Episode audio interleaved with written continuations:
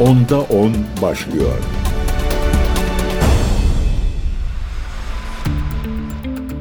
Değerli CGTN Türk takipçileri ben Gökün Göçmen 10'da 10 programına hoş geldiniz. İsveç'in NATO'ya üyeliği hala tartışma konusu olmaya devam ediyor. Türkiye Büyük Millet Meclisi Genel Kurulu'nda dün 287 oyla kabul edilmişti ve dün sizlere programda AK Parti'den Cumhuriyet Halk Partisi'ne ve Milliyetçi Hareket Partisi'ne kadar milletvekillerinin neden evet dediğini aktarmıştım.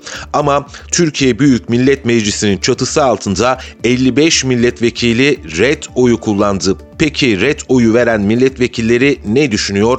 Dün gün boyunca CGTN Türk bu sorunun peşine düştü ve AK Parti'ye, Cumhuriyet Halk Partisi'ne, Saadet Partisi'ne ulaştı. Bakın ne dediler bize yaptığı özel açıklamalarda. AK Parti İstanbul Milletvekili İsmail Erdem'le başlayalım. CGTN'e yaptığı açıklamada dedi ki İsveç'in NATO'ya üyeliğine karşı olduğumu geçtiğimiz ay yaptığım basın toplantısında açıklamıştım dedi.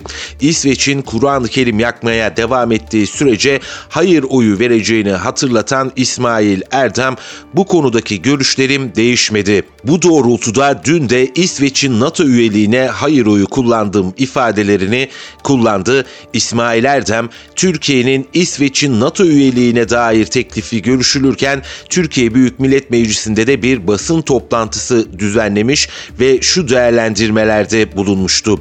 İsveç'in Türkiye Cumhuriyeti Devleti'ne karşı düşmanlık besleyen tüm terör örgütlerine mesafe koymadığı, Kur'an-ı Kerim'in devlet gözetiminde yakılmasına müsaade ettiği sürece NATO'ya girişi yapılmamalı. Şahsım adına söylüyorum AK Parti milletvekili olarak İsveç'in NATO'ya girişine karşıyım. Ayrıca NATO'nun şu andaki varlığı da sorgulanmalı ifadelerini kullanmıştı. AK Parti milletvekili İsmail Erdem'in son cümlesi de bir hayli önemli. NATO'nun şu andaki varlığı sorgulanmalıdır diyor. Çünkü NATO neden kurulmuştu? Soğuk savaş koşullarında Atlantik'in iki yakasında Amerika Birleşik Devletleri ve Avrupa'nın e, savunması için kurulmuştu. Kime karşı? Sovyetler Birliği'ne karşı. Özünde bir savunma örgütü değildi aslında bir saldırı örgütü olduğu belliydi. Ancak Sovyetler Birliği yıkılmasına karşın NATO varlığını korudu ve Rusya'ya doğru genişlemeye başladı. Kendine yeni tehditler de buldu. Zaman zaman terörizmi işaret etti. Zaman zaman da başka devletlerin varlığından kendisine dayanak noktası buldu. Bugün geldiğimiz noktada da NATO bir savaş örgütü izlenimini verecek şekilde devasa tatbikatlar düzenliyor. O soğuk savaştan sonraki en büyük tatbikatı bugün başladı. Yine on programında size sık sıklıkla aktardığımız bir durumdu bu ve bir taraftan da artık yavaş yavaş gözünü Asya'ya doğru dikmeye başlayan bir NATO'dan bahsediyoruz. İşte AK Parti milletvekili de diyor ki NATO'nun varlığı sorgulanmalı. Geçelim Cumhuriyet Halk Partisi'ne. Koskocaman muhalefette, ana muhalefet partisinde sadece bir vekil, Burdur Milletvekili İzzet Akbulut hayır oyu verdi. O da CGTN Türkiye konuştu ve konuşmasında şu ifadeleri kullandı. 110 vekilin katılmadığı, 17 vekilin evet oyu verdiği NATO oylamasında CHP evet vermiş sayılmaz. Bu karar CHP'yi bağlamaz dedi. 110 tane CHP'li milletvekilinin katılmadığını, 17 vekilin de evet oyu verdiği NATO oylamasından bahsetti. E, Cumhuriyet Halk Partisi vekilleri o halde kılsalardı bizler de görseydik bakalım ana muhalefet partisi NATO'ya karşı nasıl konum alıyor. Cumhuriyet Halk Partisi öyle bir konum aldı ki şunu söyledi özetle. Aslında mesele bu kadar sürümcemede dahi bırakılmamalıydı. İsveç'e hemen doğrudan evet oyu verilmeliydi. Ee, Cumhuriyet Halk Partisi'nin özetle verdiği mesaj buydu. İktidarı eleştirdi ama NATO'culukta vites arttırarak eleştirdi. İşte böyle bir tablo elbette CHP Burdur Milletvekili İzzet Akbulut'un partisini korumasını da anlayabiliyoruz. Dün dedi ki yaptığı açıklamada ABD'nin güdümüne girmiş NATO Türkiye'nin düşmanıdır. ABD bölgedeki PKK ve tüm terör örgütlerini desteklemektedir. Onun başını çektiği NATO Türkiye'ye bir hayır sağlamaz dedi. Akbulut konuşmasını kahrolsun Amerikan emperyalizmi ve yaşasın tam bağımsız Türkiye sözleriyle bitirdi. 68 kuşağının ünlü sloganıyla konuşmasını noktaladı. Saadet Partisi'ne bakalım. Saadet Partisi hayır oyu verdi parti olarak ve Saadet Partisi'nin genel başkan yardımcısı Mustafa Kaya dün yine CGTN Türk özel programına bağlandı ve özetle şu ifadeleri kullandı. Rusya-Ukrayna savaşının başlamasının ardından NATO'nun doğuya doğru genişleme adımlarının Finlandiya ve İsveç'i de dahil etmesiyle birlikte sadece Rusya-Ukrayna savaşına bir cevap olarak değil, aynı zamanda farklı amaçları olduğuna dair bir kanaat bizde oluşmaya başladı. 1991 yılından sonra Soğuk Savaş'ın bitmesinin ardından özellikle Amerika'nın Karadeniz'e olan ilgisinin her geçen gün arttığını gördük. Mesela 2004 yılında Romanya ve Bulgaristan'ın NATO üyesi yapılmasının ardından Gürcistan'da 2007-2008'de Osetya'da çıkan karışıklıklar, bütün bu başlıklar alt alta değerlendirildiğinde ve aynı zamanda eş zamanlı olarak Türkiye'de Montreux Boğazlar Sözleşmesi'nin tartışılmaya açılması ile birlikte Karadeniz'deki ilginin aslında Amerika tarafından farklı amaçlarla kullanıldığını gördük dedi Saadet Partisi Genel Başkan Yardımcısı Mustafa Kaya. NATO'nun genişleme stratejisinde bölgesel dengeleri hiçe sayması, İsveç'in Türkiye'nin önceliklerine tam anlamıyla uyum sağlayamaması, Türkiye'nin uzun yıllardan beri kullandığı F-16 gibi uçakların bu şarta bağlanmasından dolayı hayır oyu verdik dedi. Açıklamasının devamında şu değerlendirmelerde bulundu. NATO ile ilişkilerimiz Amerika ile ilişkilerimizin elbette sağlıklı bir şekilde yürütülmesi noktasında çabamız olabilir.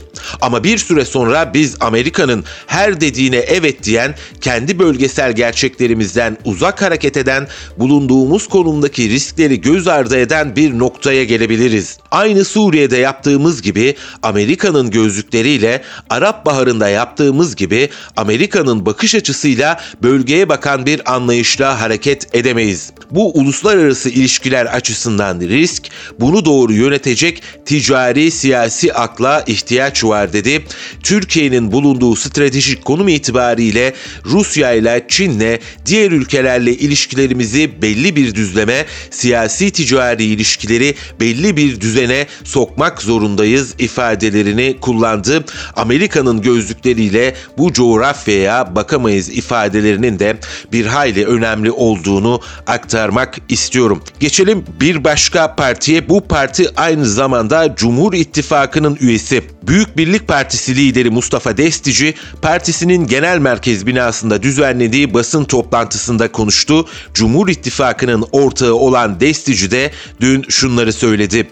İsveç'in topraklarında PKK ve YPG mensuplarını barındırdığını, İsveç'in terör örgütü PKK'ya silah ve para yardımı yaptığını, uluslararası kuruluşlarda ve kamuoyu önünde PKK'nın sözcüsü gibi davrandığını, Türkiye aleyhinde askeri, siyasi ve ekonomik yaptırımlar uygulaması için meczupça bir gayretkeşlikle mücadele ettiğini defalarca dile getirdik. İsveç dedi Büyük Birlik Partisi lideri Mustafa Destici, PKK'nın Avrupa'daki önemli sığınaklarından biri olmasının yanı sıra İslam'a ve Müslümanlara biz Müslümanların kutsallarına yönelik hakaret ve çirkin eylemlerinde üssü haline gelmişti.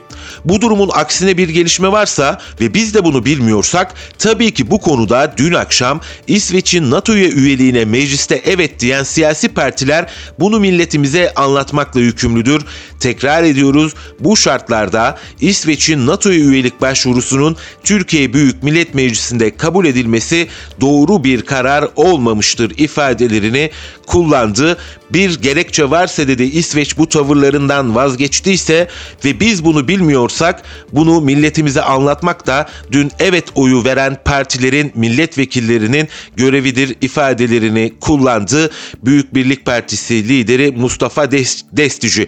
İşte gördüğünüz gibi Cumhuriyet Halk Partisi'nde de AK Parti'de de hayır oyu verenler var. Saadet Partisi bir blok olarak hayır oyu verdi. E, Cumhur İttifakı'nın ortağı olan Büyük Birlik Partisi de eleştirdi bu kararı. İsveç hala terör örgütlerinin üssüdür. Biz bir şeyde yanılıyorsak bunu bize anlatın ifadelerini kullandı. Benzer bir tablo aslında Türk medyasında da geçerli. Öyle bir noktaya geldik ki e, iktidar ve ana muhalefet ortak paydada buluşuyor. E, birbirlerine tam zıt olarak görünen siyasi partiler örneğin Türkiye İşçi Partisi ile Büyük Birlik Partisi de farklı bir noktada hayır oyunda buluşuyorlar. Basında da benzer bir tabloyu görmek mümkün. Örneğin Milli Gazete muhafazakar Saadet Partisi'ne yakın Milli Gazete'nin manşeti oldukça dikkat çekici. İsveç yerinde durdu, biz geri adım attık. PKK'nın hamisi ve İslam düşmanı İsveç birkaç ay beklese de artık NATO üyesi diyor Milli Gazete ve manşetinde biraz beklettik ama üzmedik ifadelerini kullanmış. Hemen manşetin altındaki spotta iktidarın dış politikasındaki U dönüşlerine bir yenisi daha eklendi.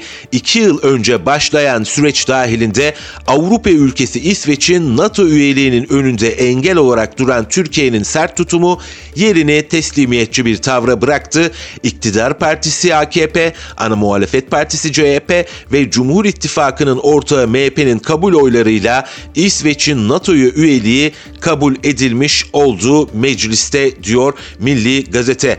Ee, Saadet Partisi'ne yakın dedik. Şimdi MHP yakın Evrensel Gazetesi'ne bakalım. O da sol yelpazede, yelpazenin solunda duran bir e, siyasi partinin gazetesi. Onlar da emperyalist plana onay manşetiyle kararı eleştirmiş ve şu ifadeler yer alıyor. İktidar Finlandiya'nın ardından İsveç'in de NATO üyeliğini mecliste onaylayarak ABD'nin Rusya'yı kuşatmayı içeren emperyalist politikalarına güç verdi. Batılı güçlerden Türkiye'ye teşekkür yağdı diyor. NATO'nun bugünkü işlevenin ABD'ye oyuna sokmak, Rusya'yı dışarıda tutmak ve Almanya'yı kontrol altına almak olduğunu söyleyen Doktor Ahmet Murat Aytaç Evrensel Gazetesi'ne şu değerlendirmelerde bulunmuş. Her fırsatta adil bir dünyadan bahseden Erdoğan'ın aktüel politik gelişmeler karşısındaki tutumu mevcut dengeleri sarsmak bir yana yürürlükte olan güç ilişkilerini yeniden onaylamanın ötesine geçmiyor demiş. Gazete haberinin devamında İsveç'in NATO üyeliğine meclisten sadece 55 ret oyu çıktı. Hayır oyu kullananlardan EMEP ve Türkiye İşçi Partisi Türkiye'nin NATO'dan çıkması çağrısında bulundu. NATO'nun ABD'nin emperyalist savaş örgütü olduğuna dikkat çeken EMEP üstlerin kapatılmasını istedi. Dem milletvekilleri ise oylamaya katılmadı. 75 yıldır diyor Evrensel Gazetesi NATO Amerika Birleşik Devletleri'nin hizmetinde.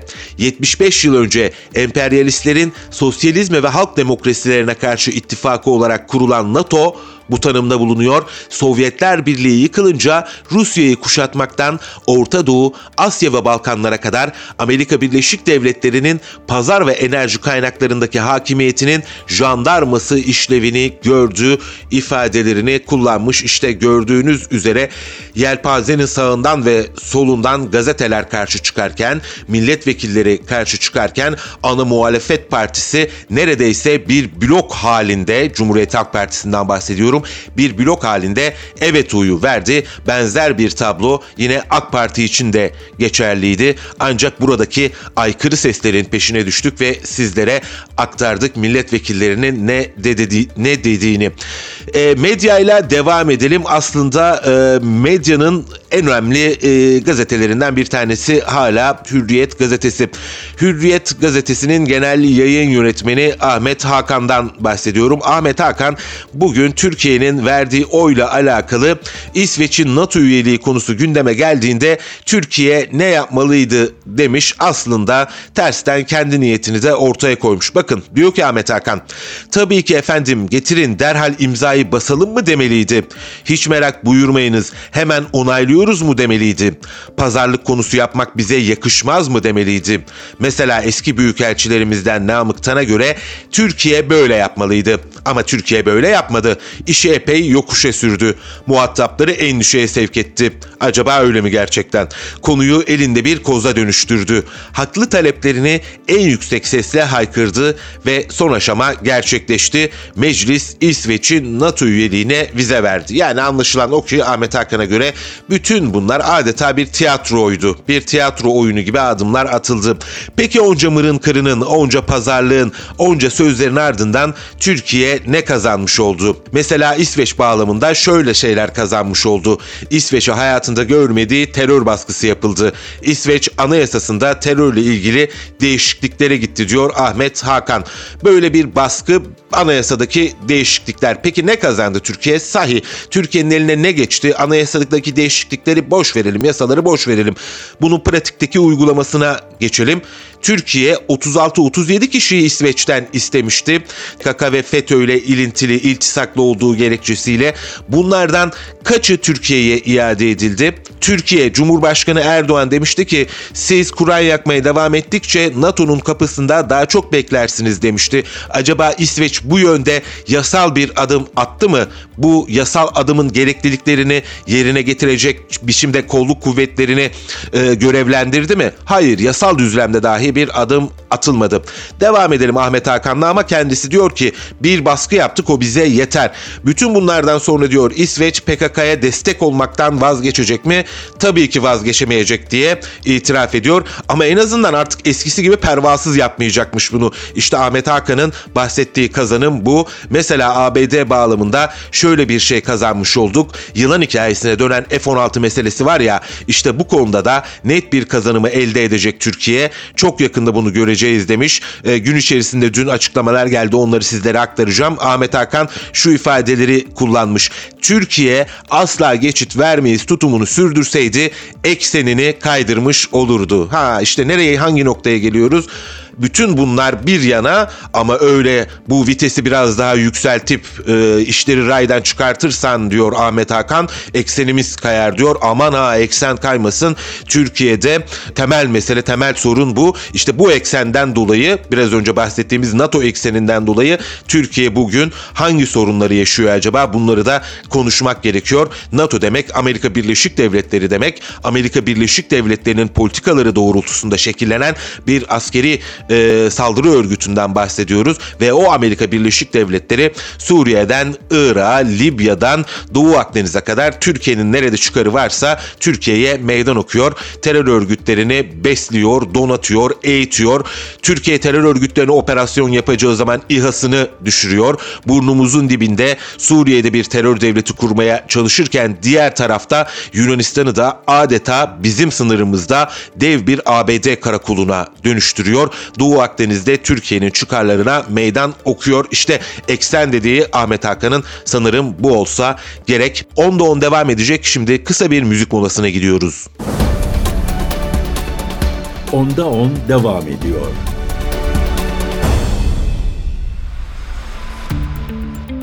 Değerli CGTN Türk takipçileri ben Gökün Göçmen 10'da 10 kaldığı yerden devam ediyor. İsveç'in NATO üyeliğine ilişkin protokolün Türkiye Büyük Millet Meclisi Genel Kurulu'nda onaylanmasının ardından bir beklentisi vardı Türkiye'nin.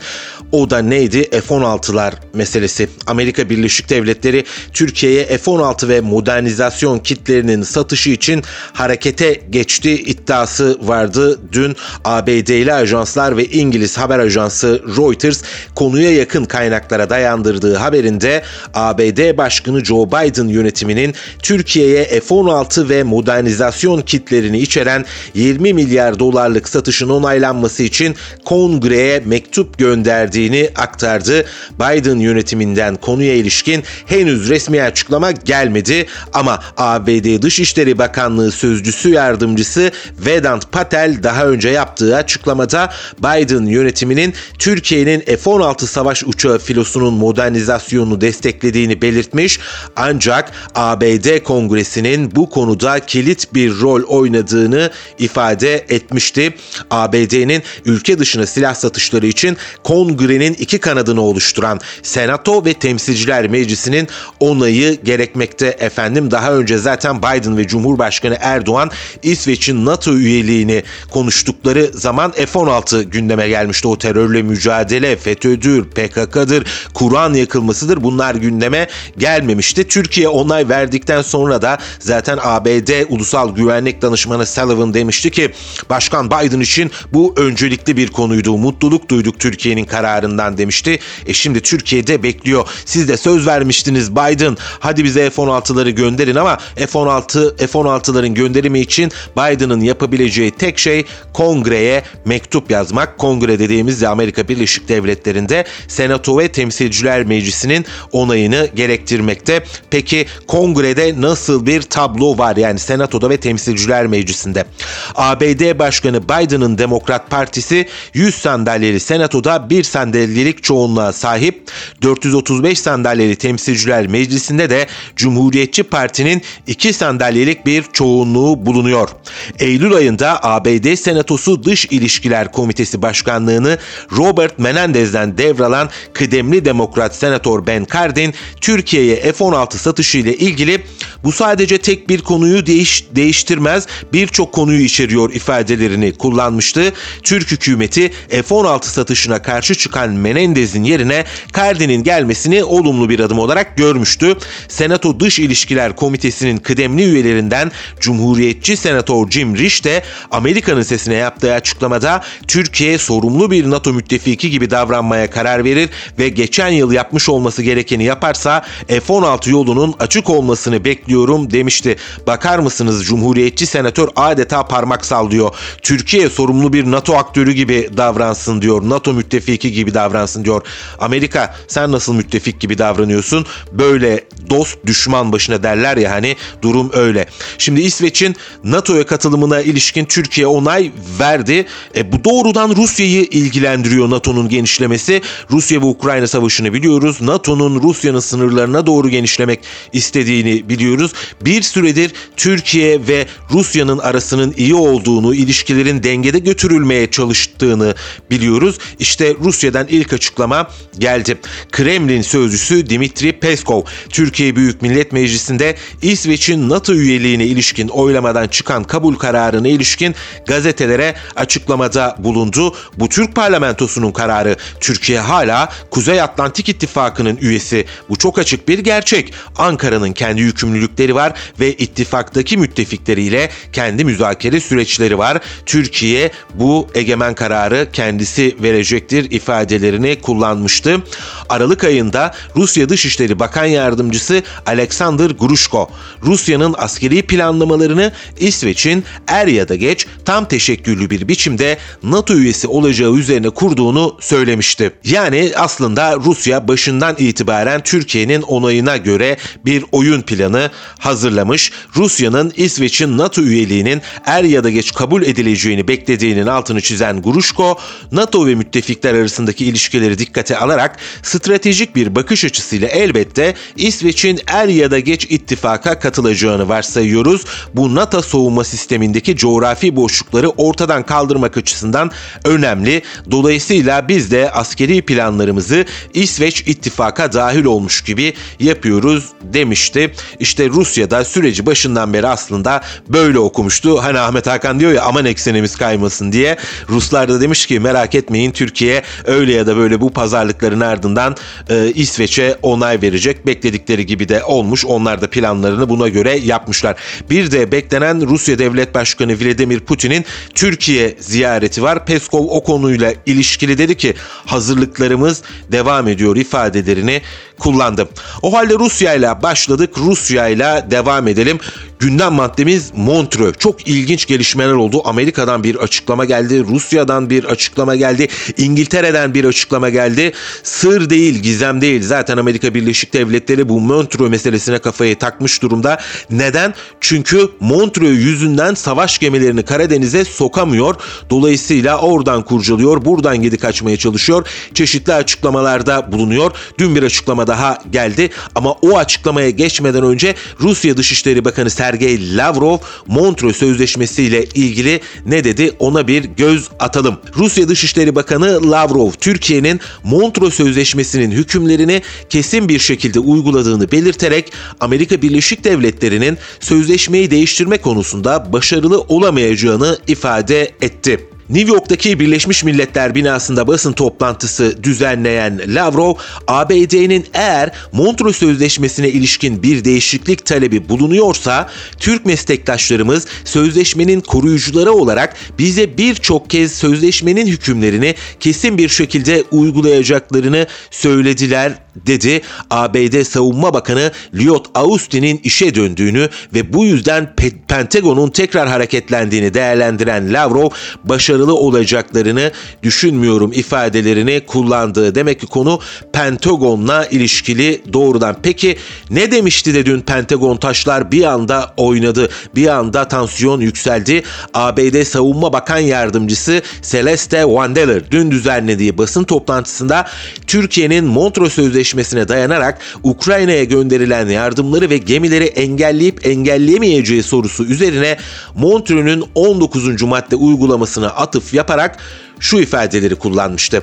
Türkiye'de dahil olmak üzere Karadeniz'e kıyısı olan ülkelerle birlikte Türkiye'nin Montreux Sözleşmesi'ni bir tür koruyucu olarak sözleşmesinin bu hükmüne başvurmaya karar verdiği çatışma durumundan uzaklaşmayı istiyoruz demişti. Yani bir çeviri burada var. Ben ama size şunu kısaca basitlikle anlatayım. Diyor ki Amerika Birleşik Devletleri Türkiye Montreux Sözleşmesi'ni aktif hale getirdi. Neden? Çünkü Boğazlar'da bir savaş var. Biz bu hale ortadan kaldırmak istiyoruz diyor. O halde iki seçenek var önümüzde. Ya Amerika Birleşik Devletleri bir anda barış sevdalısı oldu, barışa meftun oldu ve Türkiye ile birlikte çalışmak istiyor. Ya da Türkiye'nin savaş tanımını değiştirmek istiyor. Bir savaş yok örneğin diyecek Türkiye onlara göre işgal var diyecek ve dolayısıyla bir anda da e, Karadeniz'in kapıları açılacak. Sizce hangisi kulağa mantıklı geliyor? Elbette ikinci senaryo. Bu 19. madde tartışması zaten uzunca bir süredir devam ediyor. Peki bu 19. madde nedir? E, gelin ona bir bakalım.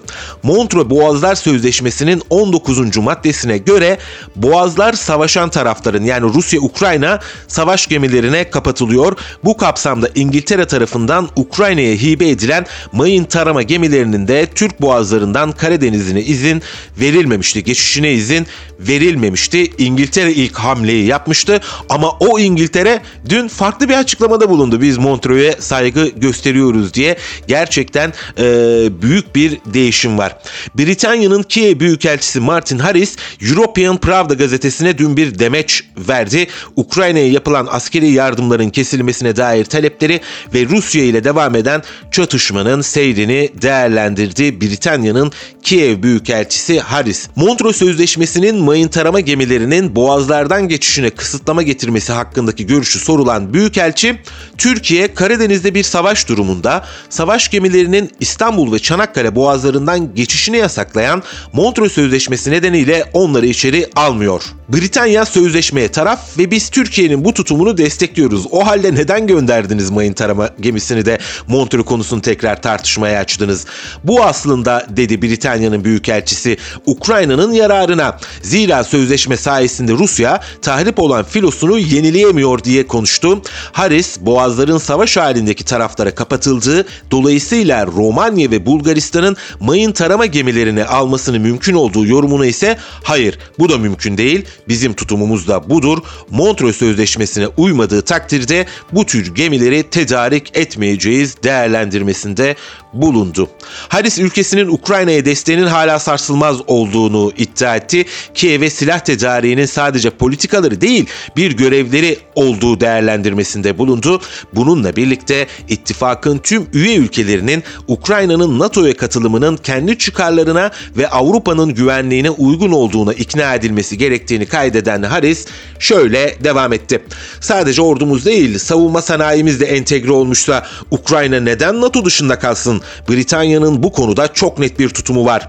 Bunun bizim çıkarımıza olduğuna inanıyoruz ve Ukrayna'nın NATO'ya katılacağından eminiz. İngiltere emin ama diğer ülkeler böyle düşünmüyor. Örneğin Macaristan böyle düşünmüyor. Diğer ülkeler kapının dışında beklesin. Bizim adımıza savaşsın ama bizden biri olmasın diyor. Ukrayna'ya biçilen rol bu işte. Ama e, İngiliz Büyükelçi diyor ki herkes Ukraynalıların ülkelerimizle nasıl işbirliği yaptığını ve Ukrayna Silahlı Kuvvetleri'nin NATO standartlarındaki silahları ne kadar etkin bir şekilde kullandığını görüyor. Umarım tüm ittifak üyeleri Ukrayna'nın üyeliğinin gerekliliği hakkında düşünürler diyor. Ne derece kullanabiliyor? Ukrayna ordusu bu savaş başlayana kadar hala Sovyet yapımı tankları kullanıyordu. Hala Sovyet yapımı hava savunma sistemlerini kullanıyordu. Daha şunun şurasında bir yıl, bir buçuk yıl oldu. NATO'nun savunma sistemleriyle tanıştılar. NATO'nun saldırı sistemleriyle tanıştılar. Gerçekten e, İngiltere Büyükelçisi, Britanya'nın e, Kiev Büyükelçisi. E tabi bulunduğu konum itibariyle bulunduğu pozisyon Kiev'den bakmak zorunda. Oradan bakarak biraz da aşırı değerlendirmelerde bulunmuş efendim. Dünün bir başka önemli gelişmesiyle o halde ilerleyelim. Cumhurbaşkanı Recep Tayyip Erdoğan dün e, Külliye'de İran Cumhurbaşkanı İbrahim Reisi ile Türkiye-İran İş Forumu'na katıldı. Burada konuşan Cumhurbaşkanı Erdoğan önemli mesajlar verdi. E, en önemli noktalardan bir tanesi de şuydu. Kirman'da bir terör saldırısı gerçekleşmişti. Kasım Süleymani'nin e, Amerika Birleşik Devletleri tarafından öldürülmesinin yıl dönümünde e, bir terör örgütü, IŞİD terör örgütü saldırıda bulunmuştu. Tabi bu kimin yararına olacak? E, IŞİD diye bir örgüt kullanışlı bir aparat elbette biliyorsunuz. Doğrudan Amerika Birleşik Devletleri ve İsrail'in yararınaydı. Cumhurbaşkanı Erdoğan orada hayatını kaybedenlere Allah'tan rahmet diledi. Bu eylemler dedi sadece İran halkını değil doğrudan bölgemizin huzurunu, barışını ve istikrarını hedef almaktadır. Kandan ve gözyaşından beslenen kaos tüccarları emellerine inşallah ulaşamayacaklardır dedi. Türkiye ve İran efendim Orta Doğu'nun en önemli iki saç ayağından bir tanesi. Bu iki ülke oyun e, kurmak istiyor bir taraftan ama bir taraftan da İsrail'in e, hem retorik anlamda hem de sahadaki e, üstünlüğünü de sona erdirmek için işbirliğine devam ediyorlar. Tabi sadece e, İsrail-Filistin bağlamında değil ikili ilişkiler de oldukça önemli. E, dedi ki dün Cumhurbaşkanı Erdoğan Türkiye ve İran yaklaşık 170 milyonu aşan toplam nüfusa, muazzam kaynaklara ve insan gücüne sahip iki kardeş ülkedir. Tarih boyunca medeniyetlere beşiklik yapmış ülkelerimiz arasında çok boyutlu ilişkiler mevcut dedi ve farklı alanlarda bugün 10 anlaşma imzaladık. İlişkilerimizi hukuki zeminde de onaylıyoruz, tahkim ediyoruz dedi. İran Cumhurbaşkanı İbrahim Reisi de dedi ki ilk aşamada iki ülkenin iş insanları ve bakanlarının da desteğiyle 30 milyar dolarlık ticaret hacmi hedefine ulaşmayı planlıyoruz dedi. Türkiye ile petrol ve gaz alanında da çalışmak istediklerinin altını çizdi. Son derece önemli yani Türkiye ve İran birlikteliği sadece Ankara ve Tahran arasında değerlendir değerlendirilmemeli. Ee, Ankara ve Tahran'ın işbirliği elbette Orta Doğu'da yeni bir denklemi beraberinde getirebilir. İşte İsrail de bu nedenle iki ülkeyi hedef tahtasına koymuş durumda. Ee, dünyada öne çıkan gelişmeleri bugün Türkiye'den bakarak sizlere aktarmaya çalıştım. Çünkü gerek e, İsveç'in NATO'yu üyeliği gerekse Ankara ve Tahran, İran ve Türkiye arasındaki ilişkiler dediğim gibi e, bir yeni düzeni e, beraberinde getirebilir. En azından bu yönde atılan adımlar takip edilmeye değerdir diye düşünüyorum efendim. Değerli CGTN Türk takipçileri ben Gökün Göçmen. Bugünlük programımızın sonuna geldik. Yarın haftanın son mesai günü ben saatler onu gösterdiğinde CGTN Türk İstanbul stüdyolarında e, zamanımız el verdiğince dilimiz döndüğünce dünyanın gündemini sizlere aktarmaya çalışacağım. Sizleri de yarın bekliyorum efendim. Hoşçakalın. Onda 10 sona erdi.